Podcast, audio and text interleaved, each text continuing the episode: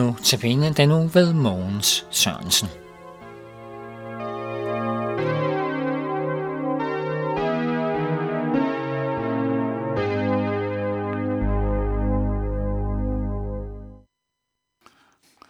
Vi starter med denne aftens notabene med at Stuk synge Frydetonen går mod tronen.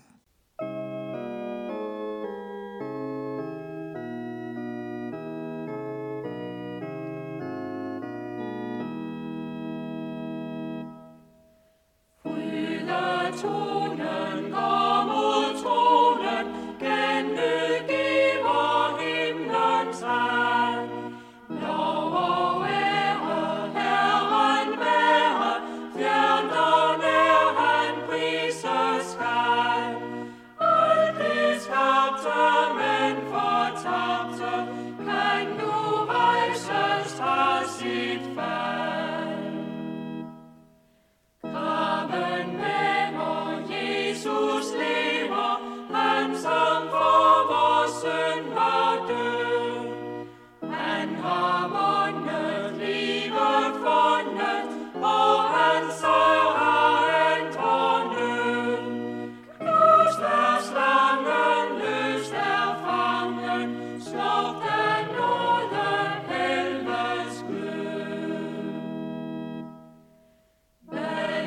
see.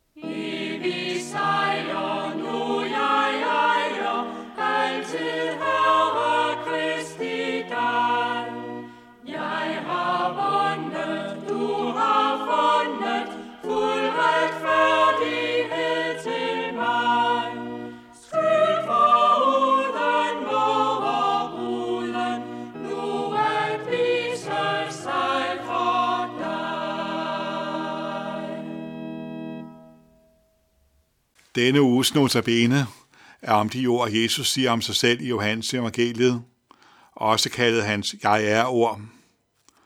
Syv gange siger han, jeg er, og siger dermed et eller andet om sig selv. I dag skal vi høre fra kapitel 11. Jeg er opstandelsen og livet. Den, der tror på mig, skal aldrig i evighed dø. Hvad Jesus siger om sig selv hos Johannes, har baggrund i evangeliets fortale – hvor der tales om ord, der fra evighed var hos Gud, og var Gud. Og senere hedder det så, at han blev kød og tog bolig blandt os, og åbenbarede Guds herlighed for os. Eller sagt på mere moderne dansk, vi så alle Guds egenskaber og alt Guds væsen og hvad Gud er i ham. For han er Gud selv, ved hvem alt blev skabt. Og nu er han så blevet menneske og, og vandrer på jorden uden at ophøre med at være Gud. Og det er nok en af de største under, Gud har gjort. Og i lyset af det skal det så også forstås, når han i dag siger, jeg er opstansen og livet. Den, der tror på mig, skal aldrig evighed dø. For hvem kan sige, det er andre end Gud? Det er kun Gud, der har liv i sig selv. Og baggrunden for dette ord er, at han er kommet på besøg hos Martha og Maria, hvis bror Lazarus lige er død. Ikke bare er de nu ramt af sorgen over, at en bror er gået bort, det kender vi jo også i dag, hvis en bror går bort. Men der er også frygten for, hvem der nu skal forsørge den. For på den tid var det manden i huset, der forsørgede, også som her, hvor det er søskende, der bor sammen. Jesus bliver tydeligt bevæget, og de lader ham komme ud til den grav, hvor Lazarus ligger. Da Jesus prøver at give dem håb, ser de frem mod den yderste dag. Men så siger han, jeg er opstandelsen og livet. Ja, han ikke bare giver opstandelsen, han er opstandelsen. Er der noget, der gør os mere magtesløse end døden? Det tror jeg næppe. Ingen læge kan opvække en død igen. Han kan højst forhindre eller udsætte døden. Og når vi så står og har mistet en nærtstående person, så er taben endeligt. Ingen kan jo tage den persons plads i vort liv. Når troende mennesker står over for et dødsfald, så ser de ofte fremad mod verdens ende, og alle de døde opvækkes og håber så på et gensyn med den afdøde. Det er der heller ikke noget galt i. Men Jesus trøster her de to søstre ved at først og fremmest at pege på sig selv. Og du, er du en, der netop har mistet et kært menneske, så vil han også rette sit blik mod ham selv. Og det er det, han vil med at sige, jeg er opstandelsen og livet. I mødet med døden, både når en af de kære dør, og når vi selv frygter døden, så skal vi se på Jesus. Han giver ikke bare giver opstandelsen, han er opstandelsen. Han giver ikke bare livet, han er livet. Netop i ham, ved at komme til ham med alt det, der skiller os fra Gud, har vi del af opstandelsen i livet, det evige liv. Og det er rigtigt, at vi skal opstå på den yderste dag. Jesus giver de to søstre og alle de jøder, der er vidner til hændelsen, en forsmag. De fjerner stenen fra raven, og Jesus siger, Lazarus kom herud, og den døde kommer ud, gjort levende ved almagtsordet fra Guds mund. Ja, for Gud er selv, der taler, og så sker det. For sådan skabte Gud også verden. Jesus selv opstod fra de døde, for aldrig at dø igen. Det kan man så ikke sige om Lazarus. Han er så død igen på et senere tidspunkt, men ikke uden håb. Men når Jesus på denne verdens sidste dag skal stå synligt frem for alle, så vil han vække alle de døde op af graven, som han vagte Lazarus op. Til hver enkelt af alle døde vil han sige, kom herud, og de får læmerne igen, om de så er brændte eller forsvundet i havets dyb.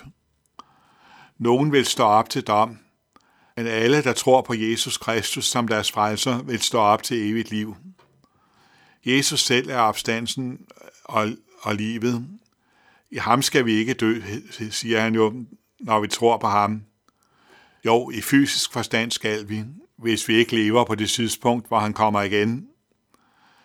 Men vi skal leve evigt med ham, og han skal give os et nyt leme, der lever evigt med ham i det evige Guds rige. Igen har han så sagt noget om sig selv, der forudsætter, at han virkelig er Gud, der er blevet menneske. Kun Gud har liv i sig selv, og kun Gud, der i dette øjeblik opretholder vores liv, kan give liv til andre. I Jesus har du del i opstandelsen og livet. I ham behøver du ikke at frygte døden. Den kan godt være ondt og, og, og, og, være, at være frygtelig stadigvæk. Det er ikke fordi en troende ikke godt kan blive grebet af frygt, når døden nærmer sig, eller med tanke på, at døden kan komme. Men det betyder, at man har et håb. Når det sker, at man bliver grebet af frygt over for døden, skal man se på Jesus. Først og fremmest se på, at han er opstandelsen og livet, og vi har livet i ham, uanset om vores læme så dør. Lad os bede. Vi takker dig, Jesus Kristus, fordi vi har fået livet i dig, og tak fordi, at det liv er evigt, og det ikke stopper, selvom vi dør. Vi beder om, at du vil give os det håb, at, du, at vi også skal opstå, som du opstod, at vi må virkelig klynge os til det. Giv os, at vi ikke må lade os kue af døden, men at vi må se op mod dig og se, at du har opvægt vagt Lazarus, og du er selv stået op, og vi skal stå op. Og far, du som er i himlene, helliget blive dit navn, komme dit rige. Ske din vilje som i himlen, således også på jorden. Og giv os i dag vores daglige brød. Og forlad os vores skyld, som også vi forlader vores skyldnere og led os ikke ind i fristelse, men fri os fra det onde, til dit der ride og magten og æren i evighed. Amen. Vi skal slutte med at høre karmelkoret synge, opstanden er den herre Krist.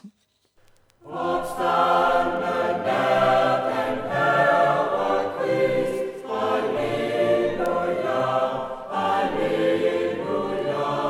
Alleluia, Alleluia,